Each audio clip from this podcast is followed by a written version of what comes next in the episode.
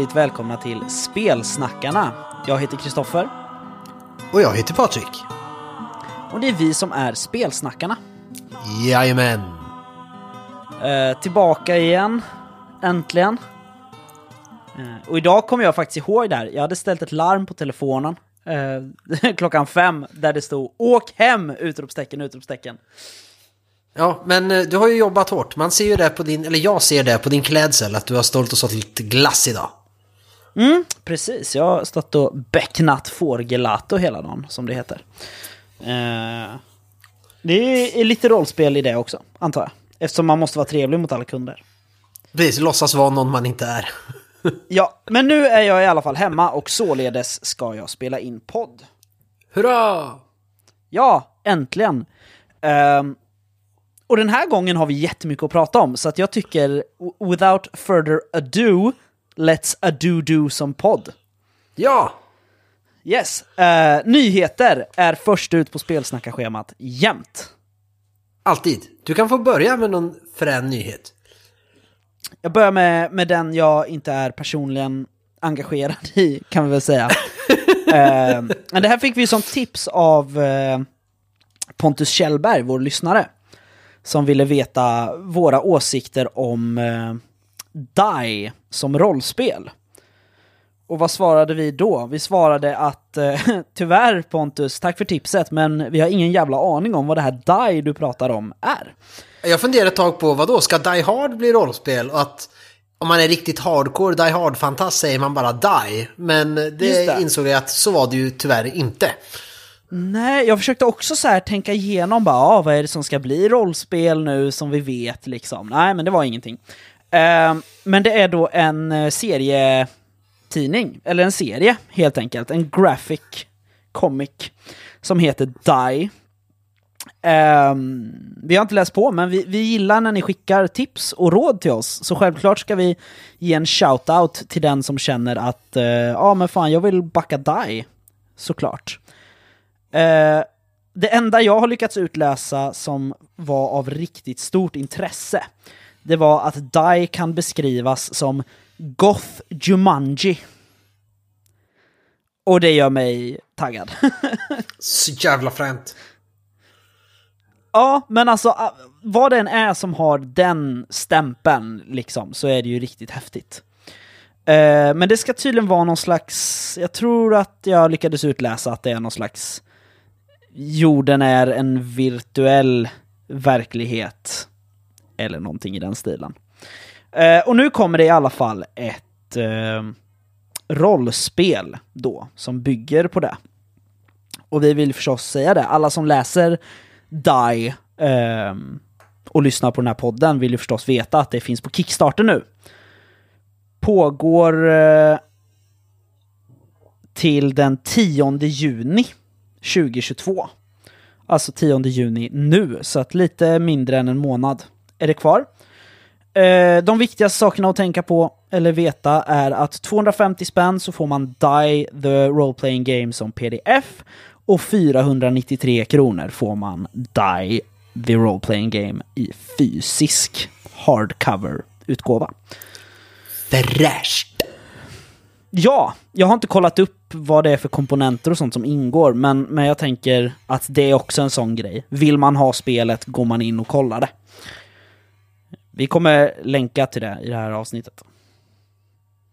Woohoo! Vad har du för nyheter Patrik? Eh, den första, eh, för vi behöver hjälp av alla lyssnare med den här. Innan den går live. Det är Evil Genius Games. Eh, som tidigare har gjort ett spel som heter Everyday Heroes. Eh, som är... De beskriver det som a 5e e version of D20 Modern. Så D20 eh, Common License eh, med 5 i e, eh, referensdokumentet till grund. Och spelet som jag förstår, det finns redan. Och jag har inte kollat så mycket utan modern action D20. 5 i eh, kompatiblet.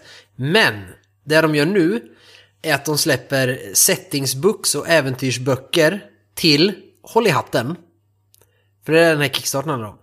Highlander, Pacific Rim, Rambo, First Blood 1, 2 och 3, Total Recall, eh, The Crow och Kong Skull Island. Jävlar vilken, eh, vilken laddning med grejer. Ja, eh, det är just nu 2720 följare på Kickstarter. För den. Fel. Jag har ju klickat också, så 2721 är det nu. Vid 5000 followers så blir, blir det en private question and answer session med Christopher Lambert. Som ju spelar Connor McLeod i Highlander. Yeah. Eh, och vad jag kan se, Kickstarter är lite bråkig med det här, men eh, den, det verkar som att under den här veckan någon gång så går den live.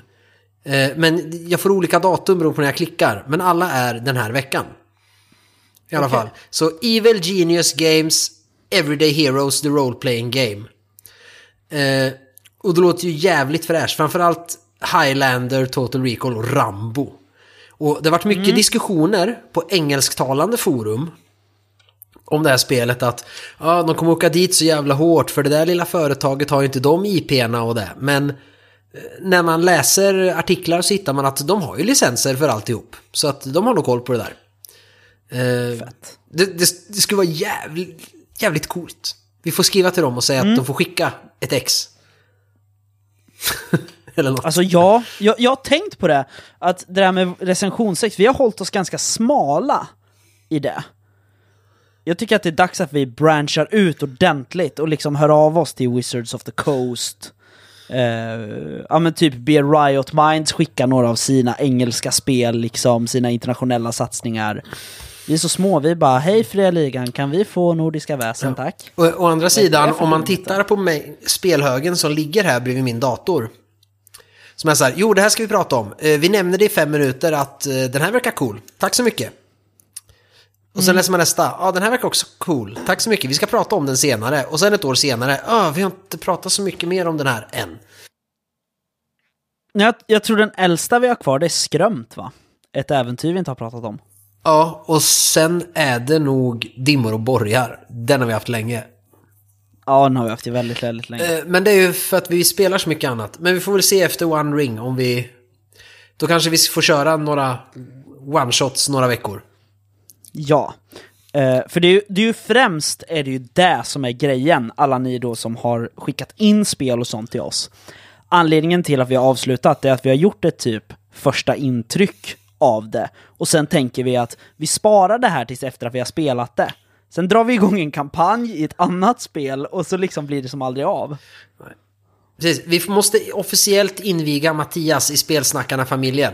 Så att eh, han också känner pressen att spela just de grejerna. Nej. Så där, där, där har vi också en grej. Nej. Okej, så här. Förväntar man sig något när man skickar recensionsexemplar? Ja. Men, jag kan inte, på något sätt kan jag inte bara så här, "Nej, nu ska jag tvinga mig själv att spela det här spelet för att kunna prata om det. På något sätt känner jag också att jag måste vara sugen på att spela det. Ja. Det är skillnad när vi har skrivit och specifikt bett om ett spel. Ja, ja, precis. Så därför, eh, Fria Ligan, ska vi snart prata om eh, en grym hemlighet som vi fick av er. Ja, men vi pratar om spelet. Yes, men har du någon mer nyhet? Det var ju nyheter du skulle prata om. Ja, ja, jag har en nyhet. Oj, oj, oj. Håll er i. Är det den jag tror? Ja! Drakar och demoner, Trudvang Samurai Expert! Kan vi ta bort drakar och Eller- demoner ur ekvationen? Eller, eller som Riot Minds kallar det, The World of Kensei. Uh, ja, för eh, drygt tio dagar sedan så annonsade Riot Minds att nu kommer en helt ny setting till 5th edition. Uh, det är då The World of Kensei, uh, som ska bygga på uh, inte bara asiatiska myter, utan också asiatisk mytologi. Står det uttryckligen så? Asian myths and mythology inspired setting. um, jajamän, uh, men det bygger då på uh, D&D 5th edition. Och ehm, det ska vara något slags, ett imperium som heter Kiyohime. Och det finns Mahutusuka trollkarlar och Sanchang-magi. Eh, man kan åka runt i Tatsu, Wukong och så vidare. Och eh, ja, hittills så har de eh, lagt upp lite eh, Paul Bonner-bilder som känns väldigt mycket Trudvang, om jag ska vara ärlig. Men det var det jag tänkte på också för att Trudvang har ju en väldigt speciell, eller speciell, men det har ju sin visuella stil. Ja. Och eh, Götterdämmerung eh, och Lex Occultum har ju en annan stil. Ja. Eh, som ändå är snygg, men det är en annan stil. Och så gör man det här och det ser så extremt Trudvang ut. Så frågan är om det blir Trudvang with an Asian twist eller om det faktiskt blir något helt eget. Bara när man tittar till det grafiska vi har sett än så länge. Ja, precis. Och det här, det här är bilder som, som vi inte tänker dela med idag, utan det får ni kolla på Riot Minds eh, Facebook där de har lagt upp de här bilderna. Och, och det är verkligen som du säger, det är liksom Ja men eh, vi tar en Trudvang-bild och så sprinklar vi lite, liksom, lite Asien över det. Ja, men de är lite färg. Det, är så här, det var någon bild Ja. som jag tycker känns som något, jag kommer inte ihåg vilket omslag, men så här, ja men här är ju två troll och en drake. Ja, och så har vi färgat draken lite grann. Mm. Eh, det, kommentarerna på Riot Minds sida är, är ju liksom bättre än själva tillkännagivandet. För där är det så här, ja men fan vad coolt, alltså... För jag tänk, och alla bara, ja jag tänker att det här kommer ju vävas in i liksom Trudvang-världen, lite så här. Det här är liksom Altors baksida, typ, fast för Trudvang. Eh, och någon bara åh fan vad grymt liksom. Ah, det kanske är härifrån alverna kommer ifrån början. Och Riot Minds bara nej det här är en egen värld, lägg av. Fast folk har kommit med asgrymma grejer de skulle kunna göra. ja, och, och folk har liksom också så här, men vad fan är det här? Ska ni, ska ni bli liksom five i slavar nu? Vad är det för fel med TC-systemet? Ja precis, ni gjorde ju så, då- Chronicles. Uppenbarligen har ju ni sen typ 2000 när ni släppte Drakar och Demoner 6 tyckt att inget annat regelsystem är så bra som vårat och därför har ni uppdaterat det hela tiden. Och så går man mainstream. Ja, för det, för det är det som är grejen. Att det har liksom, som du säger, kollar man på liksom Drakar och Demoner rollspelet som de gjorde, liksom, och, och, och, eh, och det där, och sen Drakar och Demoner Expert, att man har hela tiden sett en slags utveckling av systemet de har haft. Och jag tycker, alltså online-tjänsten som sen blev True Run Chronicles, jag tycker att det är ett jättebra regelsystem, för att det har liksom levelkänslan från Drakar och Demoner 6 utan att vara lika krångligt.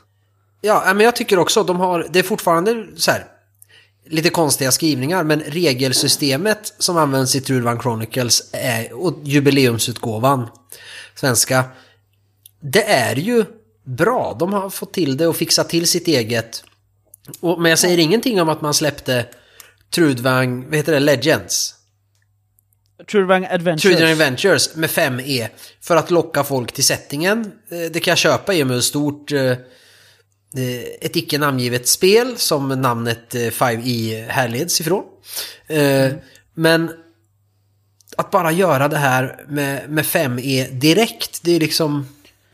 Varför gjorde ni Trudvang Chronicles från början då? Tror ni inte på ert regelsystem längre? Eller är det bara för att fler ska köpa det här? Liksom. Det är ju troligtvis det senare. Ja, men kan det inte vara så att, eh, att liksom rollspel har blivit ännu mer mainstream sen efter Truvan Chronicles kom? Är du med? För att innan, för, för fram till True Chronicles, då hade Riot Minds bara sin publik i Sverige.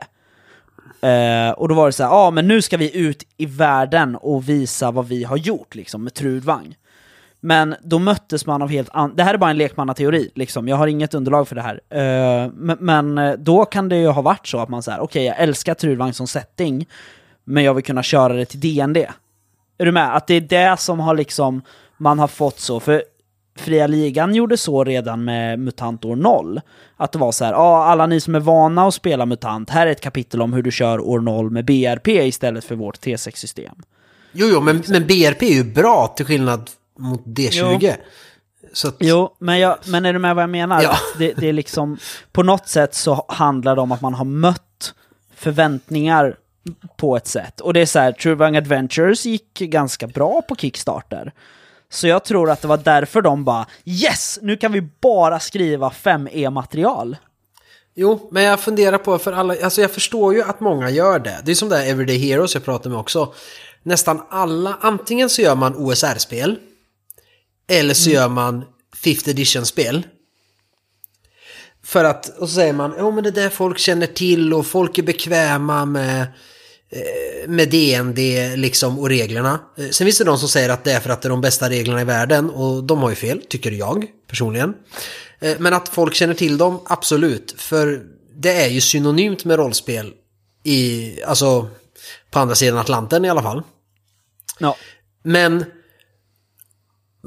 just därför borde väl den här släppas med 5E och med deras egen och att man får pdf för båda. Just för att ska inte vi hjälpa resten av världen att se då att det finns andra, kanske inte bättre, men det finns andra regelmotorer än det här. Det vissa är bättre, för jag har sett lika många folk som har köpt Trudvang Adventures, spelat det. Sen för att få lite mer bakgrund så har de köpt ändå Trudvang Chronicles. Och det är jätteinbitna dd killar Och sen har de växlat över till Chronicles för de bara oj, men det här regelsystemet gjorde ju andra saker. Eh, Så att vi kanske, alltså... jag blev nyfiken och började kolla här nu bara för sakens skull och tänkte, för jag fick en idé till så här bara, kan det vara så att Trudvang Adventures bringade in mer pengar än Trudvang Chronicles, och att det är därför? Men eh, så är det faktiskt inte, utan eh, Adventures drog in 1,9 svenska miljoner. Och eh, Trudvang Chronicles drog in 2,7 på sin tid. Eh, så att det, det var inte det, för det var min första tanke. Att det var så här, kan det inte vara så att de har insett att det finns en större marknad för deras produkter inom 50 edition? Men eh, nej, så var det inte alls det.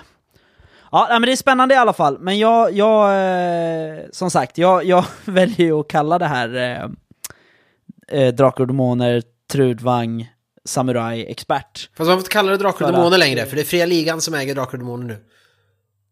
Ah, men jag eh, skyller på min ålder, jag kommer inte ihåg sånt. Eh, nej men för, för liksom, vi fick ju det som fråga när vi, eh, när vi ställde lite frågor inför vad vi skulle prata om idag. Och då fick vi det så här, ja, vad, eh, vad är grejen med att köra Asien-inspirerade rollspel? Och jag tänkte ju direkt, ja men vi har ju, vi har ju Drakar och Demoners Samurai framförallt. Eh, vi har också ehm, Vindsjäl ju. Som jag ändå vill säga bär lite Asien-vibes. Och, och så har vi nu att de bara, Riot Minds liksom, ah, men vi släpper ett spel som är lite Asien. Så, för, för då pratar vi, det var eh, Andreas Lundmark, vår lyssnare, som skrev det att vi ska prata om, om faror med att basera fiktion på andra kulturer. Det ska vi inte prata om idag, men, men det var det vi fick liksom som fråga här, för att det måste ju finnas någon liten så här farozon där, för det blir ju en slags kulturell appropriering. Jag tror det främst är en svensk fara i att man inte är Ja. politiskt korrekt.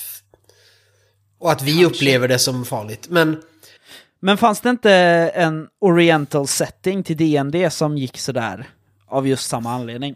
jo, det är klart det kan uppröra folk. Men, men samtidigt som vi pratar, för att göra lite kort det vi pratar om, jag tror det är att det är exotiskt. Ja, Det är ju precis. något vi inte håller på med. Varför tittar vi på manga? Eller anime? Och varför läser vi manga? Varför är Starsinger det bästa som har hänt tv? Liksom. Ja, för att det är något annat. Som vi inte känner till. Precis som vi pratade om att, att rollspel. Eh, om du inte har spelat rollspel, fantasy är coolt, för det är inte som vanligt. Eh, västern är coolt, för du får vara någon annan än dig själv. Vem skulle vilja spela ett rollspel där vi bara är människor som går och jobbar på ICA och det händer inget? Vi gör bara våra everyday-grejer och diskar när vi kommer hem. Det skulle inte vara så roligt. Men för eh, de fantastiska parodiboken Barry Trotter där trollkarlarna spelar rollspelet advokater och rörmokare. Ja. men det är just det. Hade vi bott i en fantasyvärld hade vi tyckt det var ascoolt att spela lagerarbetare som bara skulle få vardagen att gå ihop. För vi känner inte till det. Nej. Och det är väl därför vi tycker Asien är lite häftigt. Jag tror därför jag börjar tycka att fantasyspel är lite tråkiga fast jag älskar det. För jag, vad ska man säga, nu, jag är ingen professor i det eller så, men... eh, Men du känner dig hemma? Jag är ganska insatt i många sorters fantasy, många olika världar. Och när jag öppnar en ny bok eller ett nytt rollspel, så efter, även om jag läser en ny bok av en ny författare, jag förstår hur världen hänger ihop.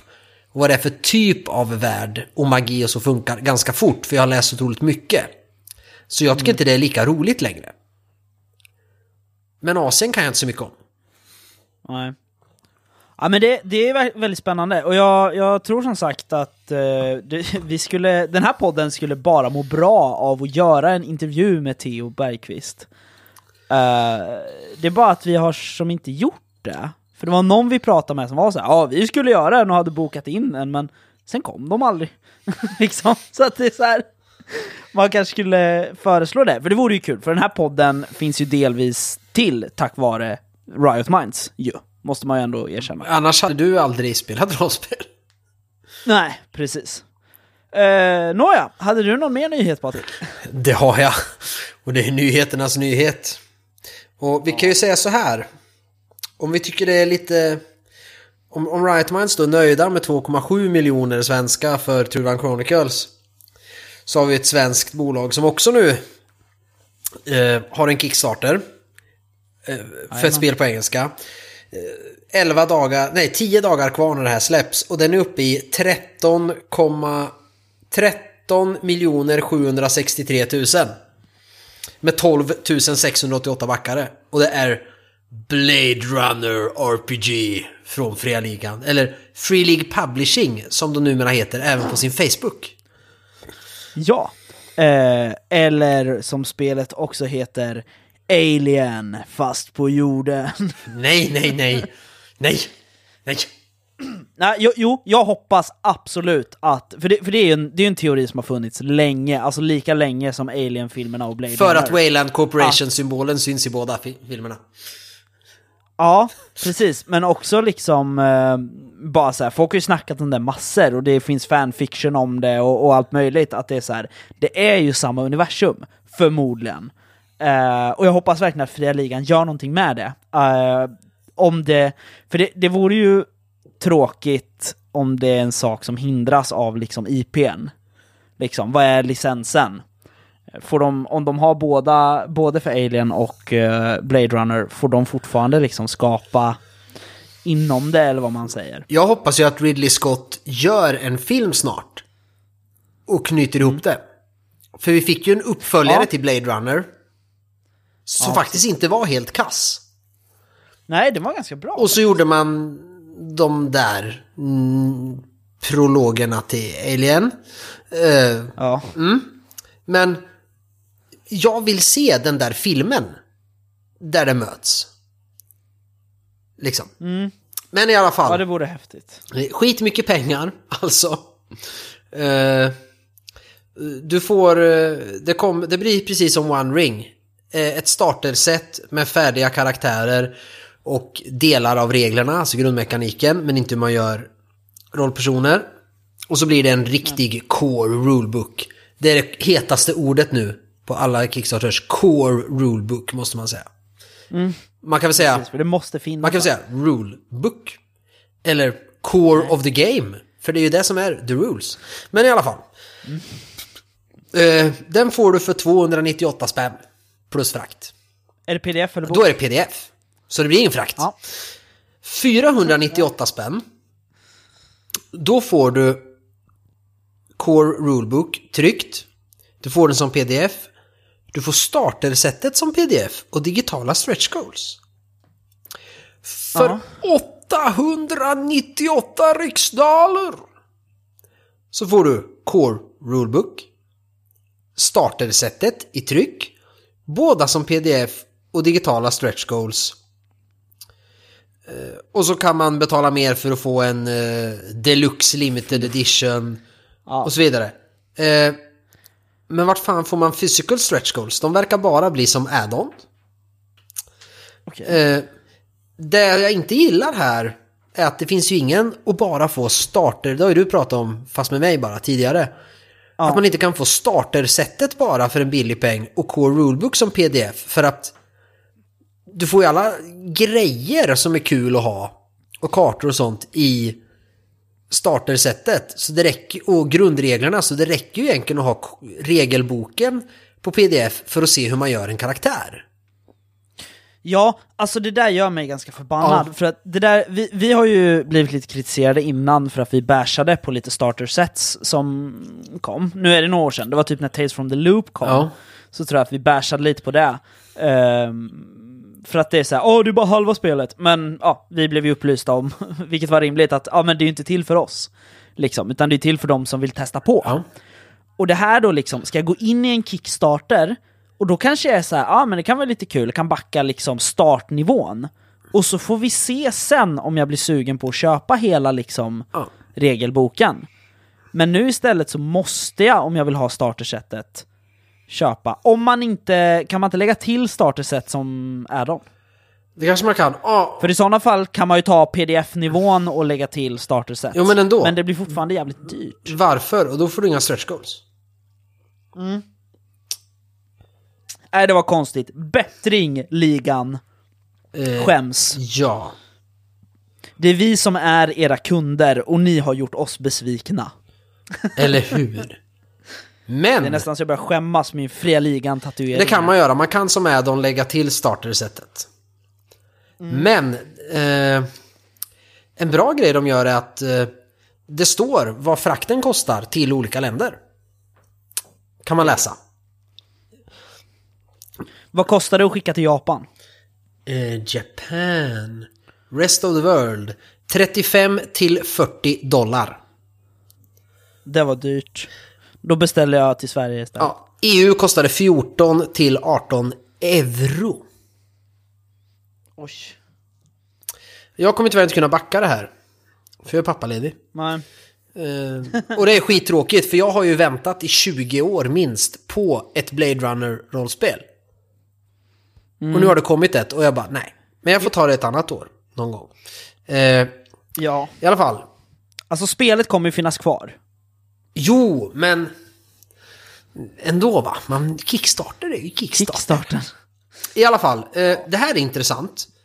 Eh, jag tänker inte förklara vad det står om settingen och sånt. För om man inte sett Blade Runner, eh, gör det. Och så, Eller köp starterset. nej, och så behöver ni inte läsa mer. Eh, Så jag tänker inte läsa upp hela den. Men de skriver att det är based on the acclaimed year zero engine. Eh, used in award-winning games as Alien, Tales from the Loop och Forbidden Lands. But further developed and uniquely tailored for Blade Runner. Ja men det är ju jättebra att man skräddarsyr som man gör i alla sina spel mot settingen. Det är ju jättebra, eller hur? Men sen när man läser, jag har ju i alla fall en uppfattning om vad Year Zero-ändringen är. Det är tärningspölar med T6or och du ska slå sexor. Och så står det så här att som grundmekanik, core mechanic, så slår du en tärning för ditt basattribut och en för din skill. Ju mer kompetent du är, desto bättre tärning får du slå. Eh, från början så är det bara D6or, eller from feeble D6s to extraordinary D12s. Så de är, Så då är det lite som resurssystemet i Svärdets Ja men det är så här, eh, och nej. Och slår du 6 plus på någon tärning så får du en eh, framgång. Och slår du 2 så får du bonuseffekter. Och eh, rolls can be pushed, du kan pressa dem på något sätt. Med olika effekter beroende på om du är människa eller replikant. Så då ser vi man kan spela replikant också. Men det är intressant. Då är jag väldigt intresserad av vad är det som är kvar från The Acclaimed Year Zero Engine. Om det är att du slår en tärning för attribut och en för din färdighet. Och så ändrar du valören på tärning hur mycket bättre beroende på hur mycket bättre du är. Ja, nej men alltså för det, det är ju... För, det är ju, alltså, för mig så är lite där, vilken tärning du använder och den typen, om det är pölar eller D20 eller T20 eller T100, det är ju the core mechanic. Det är det som är grunden i regelmotorn på något sätt. Ja. Men sen är, alltså, Svärdets sång är ju Year Zero Engine, fast anpassat. Och det här låter ju som en ihopslagning, för att där har du ju de här, alltså om du har artefakter och sånt och vapen så har du ju olika tärningar för dem. Att du har en T12 där liksom 6 upp till 10 är ju en framgång och sen är det två Precis, framgångar. jo amen. är det men grunden är ju fortfarande Year Zero att okej, jag har fem i styrka. Då slår jag fem T6or. Här är det, nej, du har fem i styrka. Du slår en T10. Just det. Eh, Ja, det låter lite... Ja men det, det är intressant. Men jag är superhypad. Det man ser ser snyggt ut. eh, Det man läser ser coolt ut. Eh, Jag är lite besviken på vissa av stretch goalsen. Eh, Men de har låst upp de flesta. Eh, Det coola är nästa. Då får man ett handout envelope om de kommer upp i 14 miljoner, vilket de lär göra. Nice. det är ett kuvert för att bevara sin, för att ha sina bevis i, alltså det man håller på med. Under, alltså alla handouts man får. Och det är eh, stämplat med LAPD official eh, logo liksom. Nice. Det är lite coolt. Men, That's some uh, mutant Elysium shit right ja, there. men vi har låst upp dubbla tärningssätt och såna här coola grejer. Men det står ju fortfarande, det finns fortfarande ingen, vad jag hittar, någon nivå där man får physical. Eh, det står bara digital stretch goals får man. Jaha. Det står ingenstans att man, någon backenivå att man får de fysiska. Nu sitter Kristoffer och luktar på någonting så jag är väl klar med Blade Runner. Det ser ut som rollspelsböcker. Mm.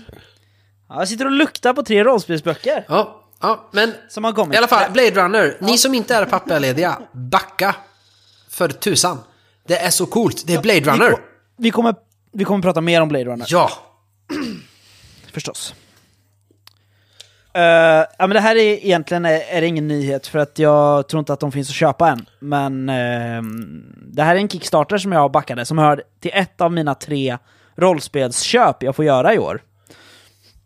För mig själv. Uh, och eh, det är tryckta uh, hårdpermsäventyr till E.ON.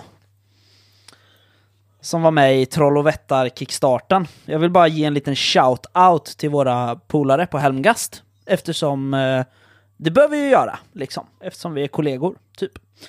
Eh, så fort de kommer så ska ni köpa de här tycker jag. Eh, det är äventyren Ingenmansland, Piratöarna och Klostrets Klagan. Spelar man Carl Hamilton De- i Ingenmansland? Va? Är Carl Hamilton med i Ingenmansland? Nej. Nej. Primod, Primod Arminius Pius är med. Eh, de två senare är skrivna av eh, Pontus Kjellberg, som ni har hört i den här podden förr. Och eh, Ingenmansland är skrivet av Daniel Gustafsson. Eh, de här är, det är liksom, det är små, de är typ 35 sidor styck. Så det är samma format som eh, aspektböckerna till eh, magin i E.ON. Så de är jävligt handy liksom, de är små, de är smidiga, inte som typ, eh, ja, de andra E.ON-böckerna, alltså Sylfens vrede, what the fuck, hur ska jag kunna sitta och bläddra i den när jag spelar rollspel? eh, där är liksom iPad, PDF, to go. Men, men så de här är små och smidiga och så är de typ 35 sidor. Eh, väldigt smidiga, jag gillar det. Så köp dem om ni vill. Jag har inte läst färdigt dem än, utan jag har typ läst hälften av alla tre. Eh, Men jag, jag tycker det är bra att det kommer tryckta äventyr, för jag tycker att det är vi inte bortskämda med nu för tiden. Nej. Eh, ja, det var nog det. Jag ville bara säga att jag har dem. de, de, de var på samma Kickstarter som eh, modulen Troll och Vättar för att spela Troll eller Vättar i E.ON. Eh, då kunde man få med de tre. Och förutom dem, av de här tre rollspelsprodukterna jag får köpa i år, så har jag bara köpt en till som inte var med på listan. Okej. Jag har inte köpt något i år, jag skäms. Ja, jag köpte faktiskt spelledarskärmen till eh, Mörkborg. Eh, för jag tyckte den var häftig, den var bra och jag vill spela mer Mörkborg. På tal om att vilja spela, har du spelat något sen vi gjorde podd sist Men, Patrik? men jag har en nyhet till. Åh, förlåt, ta din Och den är nyhet. typ spelrelaterad. Disney Plus nya serie The Quest. Har du sett den? Ja. Ja. Jag har sett, inte hela än, men jag har sett eh, tre första avsnitten. Det är, det, det är alltså ungdom och de väver ihop det så snyggt. Det är en fantasyvärld, eh, shit happens, elak trollkarl vill ta över världen. Man ber om eh, hjälp från högre makter och det kommer åtta tonåringar från vår värld dit. För att hjälpa dem. Och så ska de lösa quests. Och det är så kul, det är ganska hög produktionskvalitet för det är ju riktiga skådisar som liksom spelar alla de möter. Eh, och så är det de här ungdomarna som löser uppgifter. Och då, jag tycker det var bra det Mattias beskrev det, att det var lite Robinson och det är det ju. Det var ju någon grej så här, åh nej, ni möter stenväktaren. Måste de stå med raka armar och hålla upp någon grej så här. Eh, Mattias sa lite Barda och lite Robinson. Vill jag bara poängtera. Ja, ja men... eh, eh, Och så är det lite kluriga grejer, men det är ganska hög produktionskvalitet, måste man säga. Och, men det är ändå coolt, alltså jag hade velat med det här. Det enda jag tycker är tråkigt med det, det är nu då att Mattias och du har sett det. Och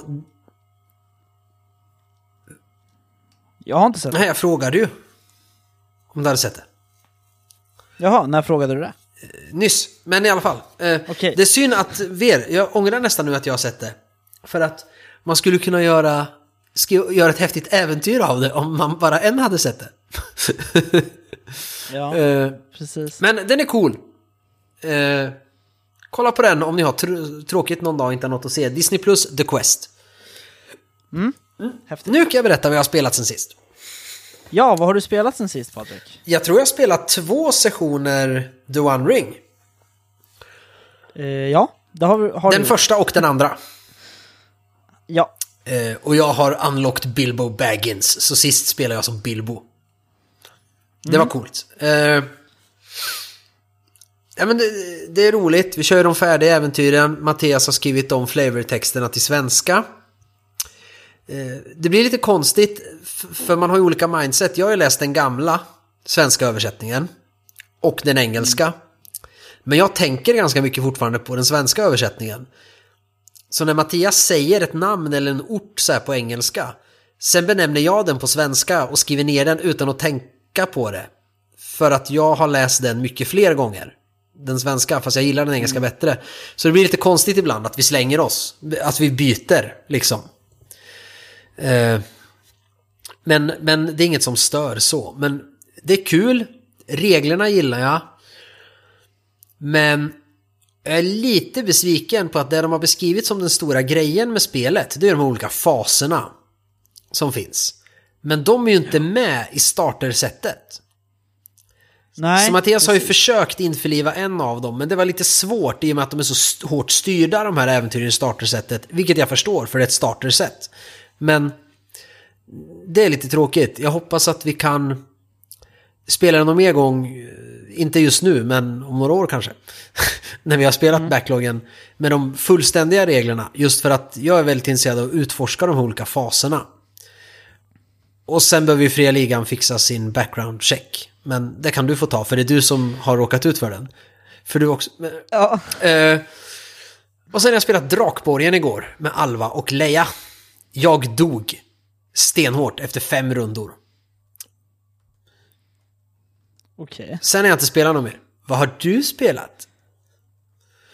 Eh, jag har spelat eh, The One Ring. Och det här ledde ju till att vi behövde göra en, vi behövde ju också göra en liten facts check innan vi, där har vi ändå vuxit som uh, besserwissrar tycker jag. mitt i spelmötet så bara stopp, stopp, stopp. Ja, ja jag menar att, för jag menar hade det varit Kristoffer och Patrik för två år sedan, då hade vi bara Nej! Det är fel! Men nu har vi ändå vuxit, mognat lite, så nu kollade vi upp innan vi började gnälla. Nu har vi kollat upp det, fria ligan har fel. Eh, vi, jag spelar ju Lobelia Brace Girdle. Eh, som ju Lobelia Saxville Baggins hette innan hon var gift med Otto Saxville Baggins. Eh, men de gifter sig när... Ja, I alla fall innan. Ja, I alla fall, de är gifta när Bilbo kommer hem. I alla fall. Ja, precis. Eh, för det beskrivs i texten. Vi t- kollade upp det. Det står i boken The Hobbit att de är gifta. Hon heter Lobelia Saxville Baggins. Och det här spelet utspelar sig ju för fan efter The Hobbit. Och då borde hon inte ha sitt flicknamn. Nej, Det här blev vi jättearga på. ja, det var jag som reagerade för det var jag som bara, men jag gör dig arvlös. Och så var de till ja men de är ju inte gifta. Jag bara, nej, har inte jag varit till Lonely Mountain? Det är väl klart de är gifta. Och så började vi kolla. Ja, precis. Nej, det var en riktig... Det var en riktig miss där alltså. Det är nästan som att Fria Ligan inte ens har läst Sagan om ringen. Ja, The Hobbit. Ja, men det är en del av Sagan om ringen. Nej. Det är det väl? Ja, typ. Inte allt det bara canon i Lord of the Rings? Kanske. Har jag ja, men i alla fall. Ja, det här behöver vi, Ja, det här måste behöver vi också... ja, ja. Eh, så det har jag spelat.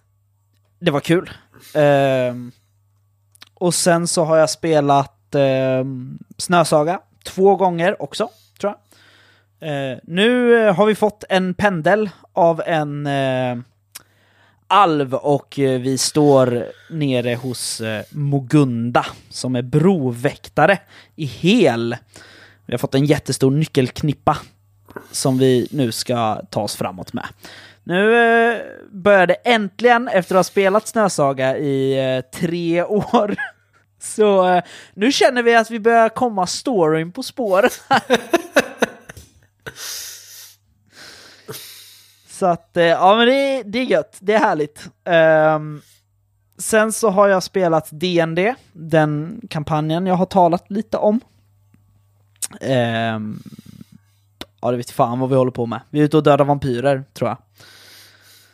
Det, det är väldigt oklart där, det är så jävla mycket sidequests. Där har ni inte hittat storyn heller. Nej, inte riktigt. Sen har jag spelat Call of Cthulhu Sverige.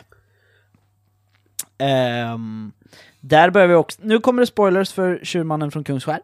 Uh, där har våra spelare nu också äntligen uh, kommit storyn på spåren. För att uh, de ehm, har hittat en Deep One och det känner de igen från en massa kort, från den här utgrävningen de har varit och sett.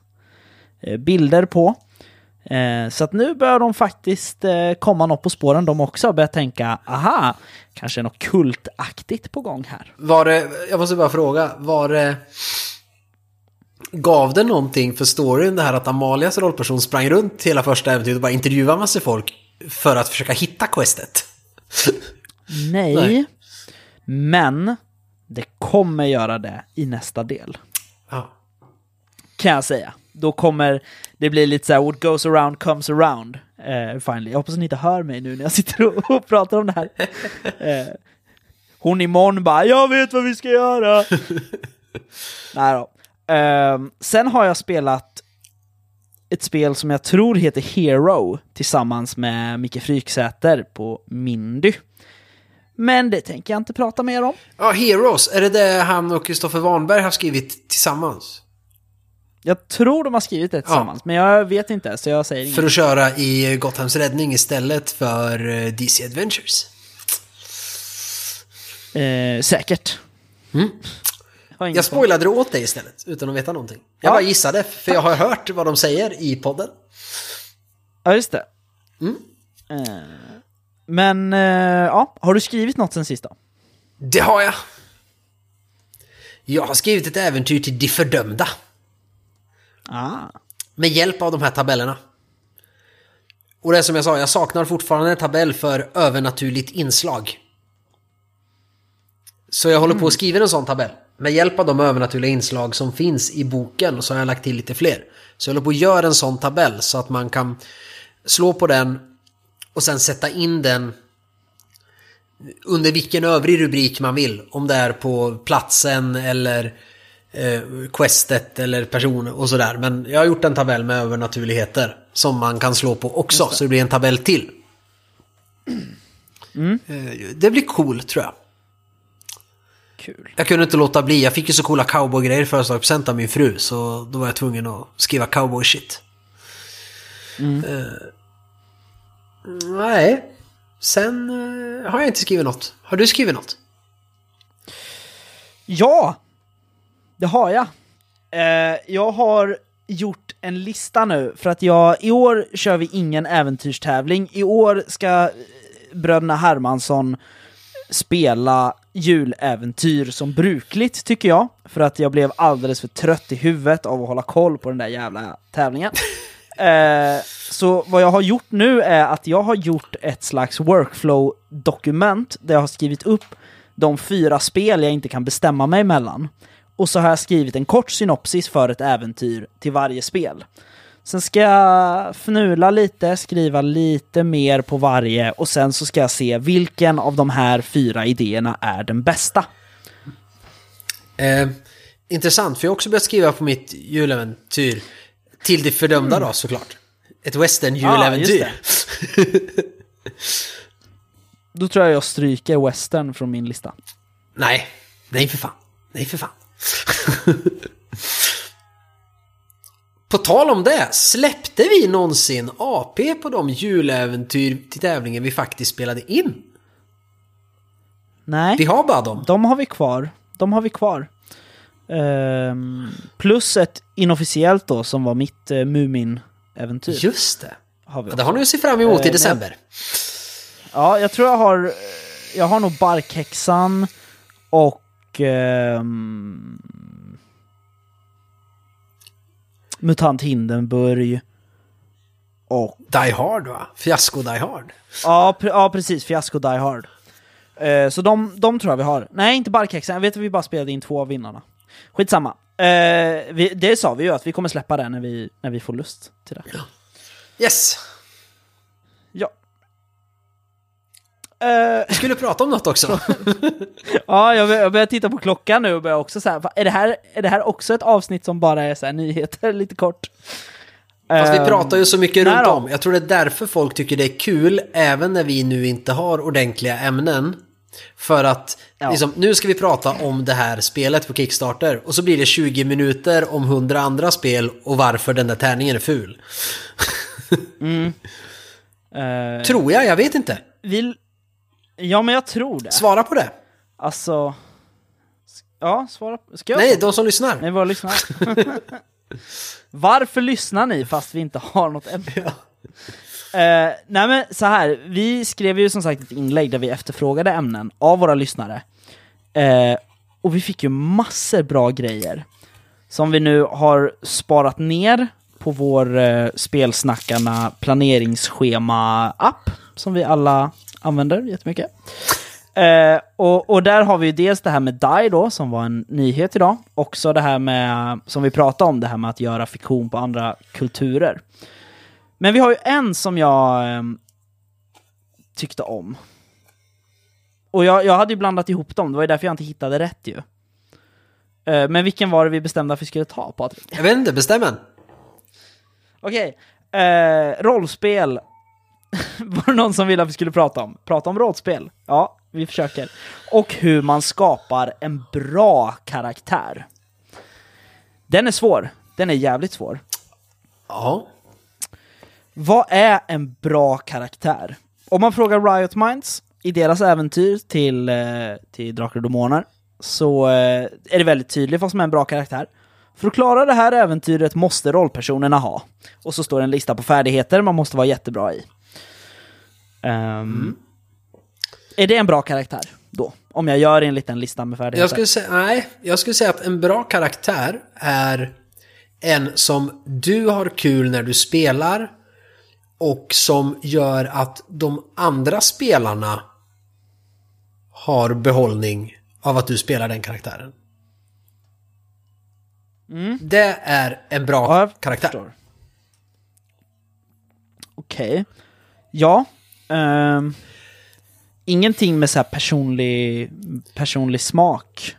Eh, alltså, det är en, en rollperson som, som kan det jag tycker att den ska kunna. Eller inte kan det jag tycker att den inte ska kunna. Ja, men då beror det på... Eller då faller det in- in i, har du kul när du spelar den här rollpersonen? Det, vi har ju ett praktexempel. Våran mm. långa Trudvang-kampanj. När du spelar notarien Marik. Som innan han fick sin coola bok som, om belägringskonst och andra nyttiga ting. Där man kunde slå upp typ vad som helst och få svar.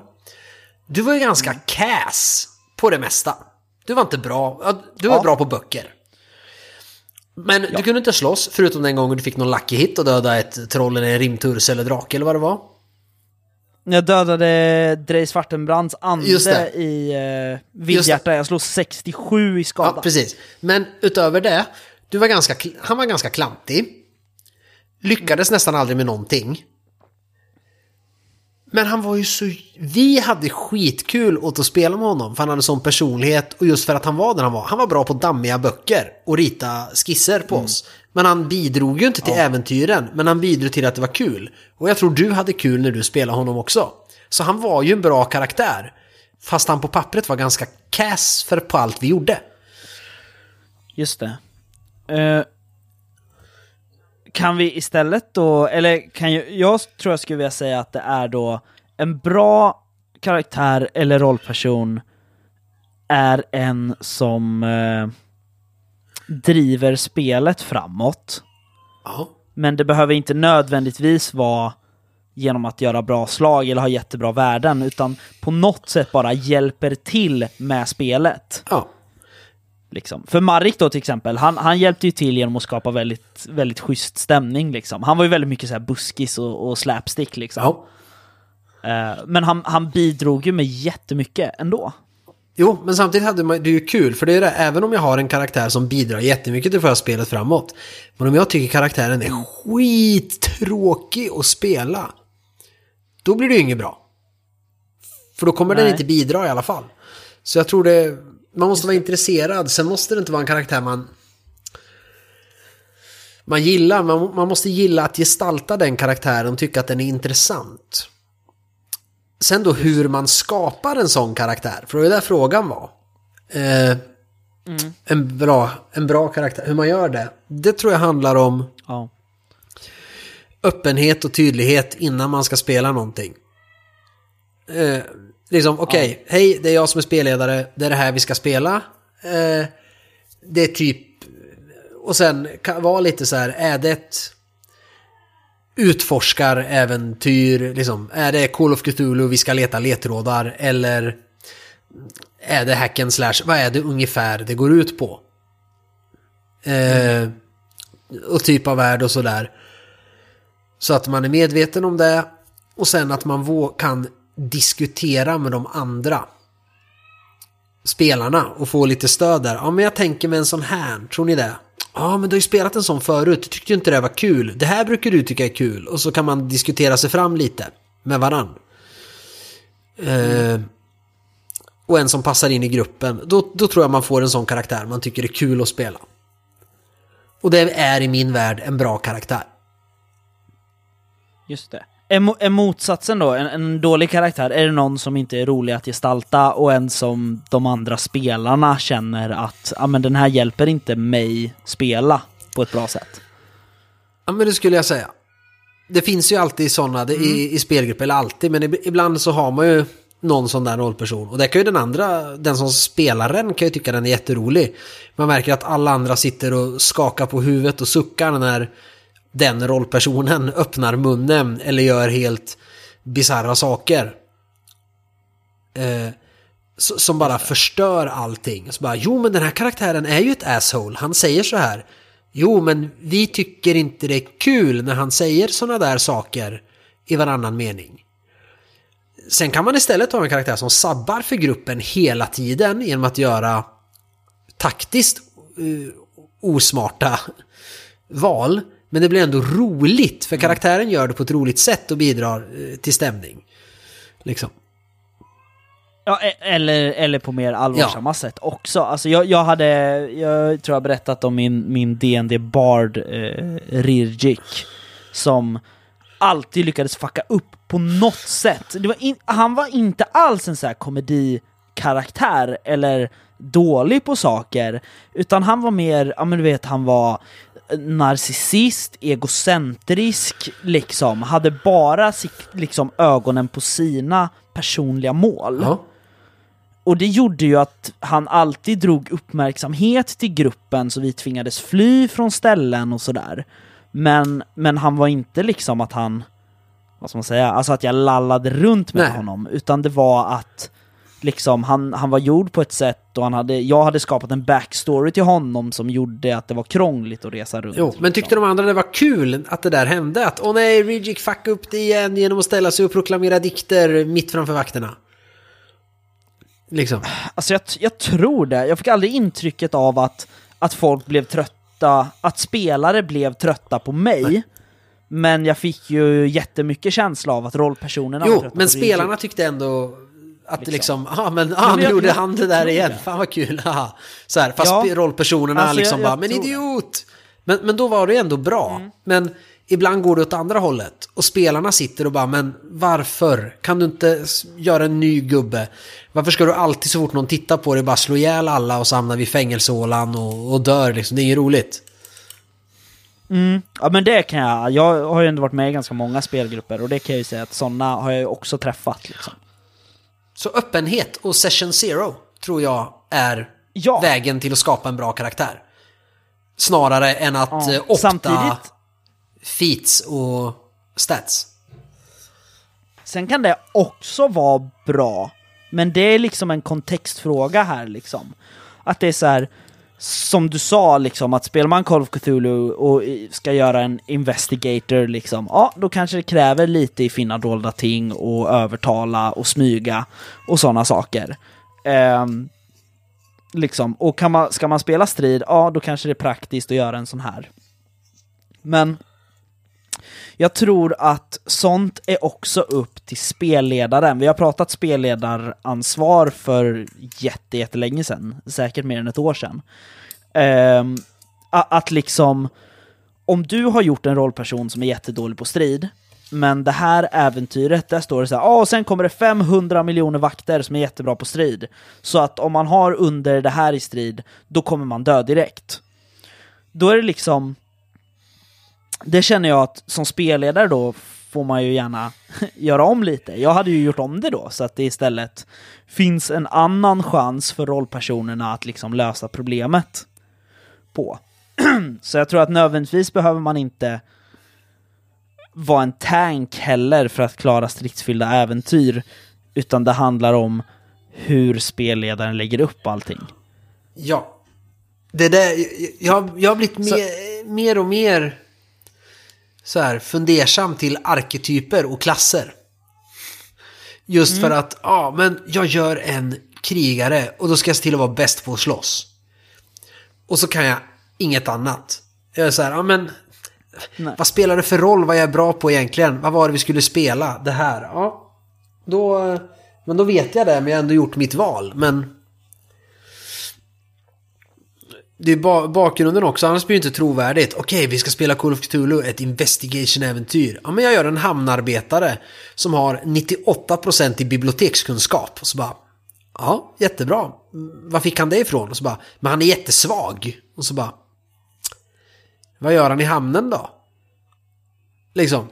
Då är det istället för att ha jättebra i det där, om vi ska göra ett investigation-äventyr, då gör jag en professor. Som kanske inte har sådär bra stats i allt, men det är bättre att det är en professor. På något sätt. Eh, så, Ja, men jag ja. förstår. Nu vart det två saker i en, eh, liksom. Men, för nu pratade vart det klasser, men nej. Det, Ja, men jag, Det- jag det- förstår vad du menar. Det, alltså, Siffrorna det tycker inte jag liksom inte att prata. är det som kanske skapar en bra rollperson. Till skillnad om jag skulle spela dataspel, nu ska jag spela World of Warcraft. Då väljer jag ju något och då vill jag ju opta för att kunna klara, för det finns bara ett sätt att göra saker på. Eh, liksom, men spelar jag rollspel så statsen är det jag minst bekymrar mig om.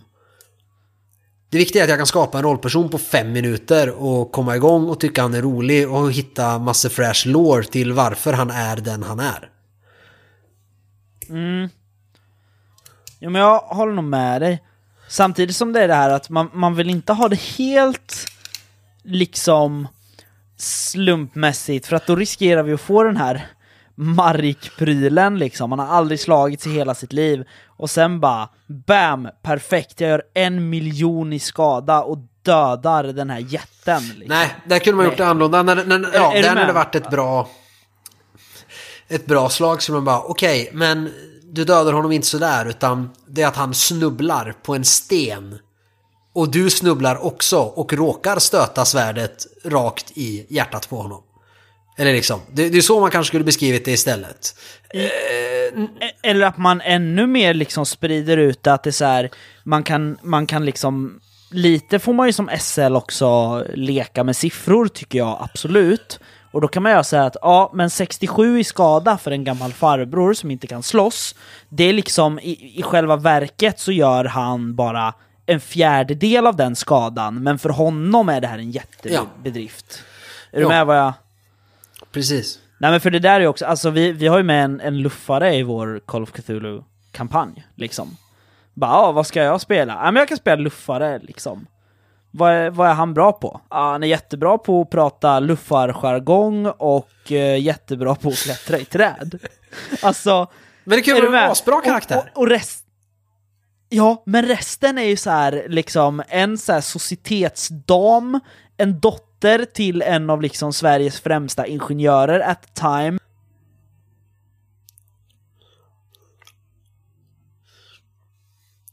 Och bara, ja det här är Jakob, han är uteliggare. liksom. alltså, Säkert socialist var också. Suttit i arbetsläger. Ja.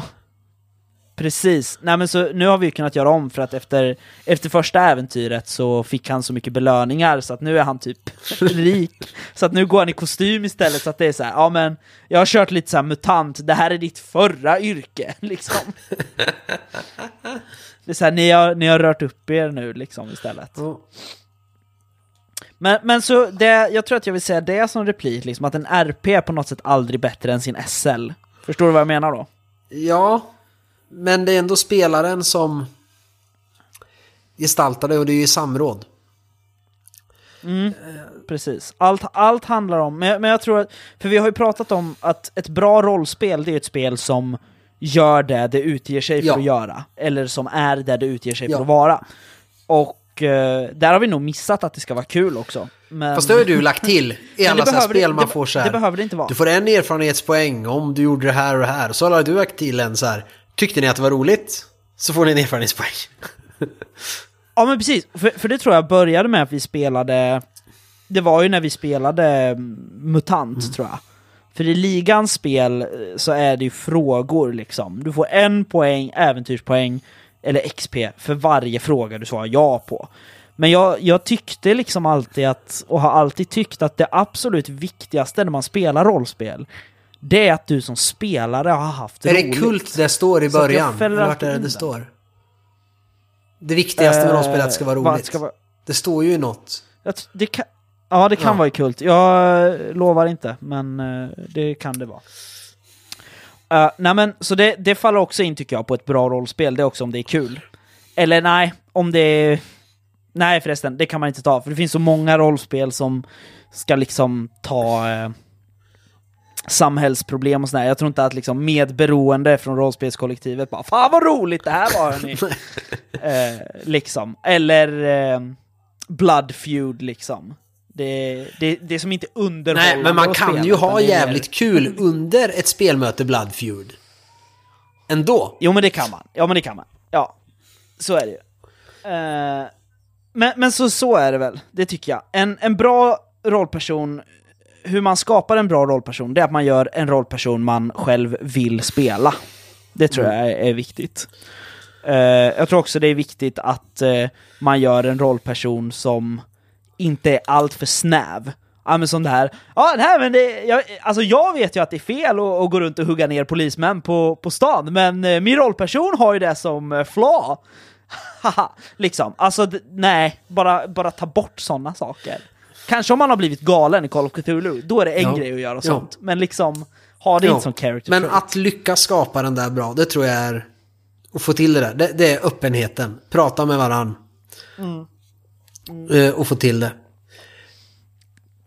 Ja. Det var ju skillnad, när man var 13 då var ju en bra rollperson barbaren som hade full styrkebonus och eh, 75 i svärd när man började.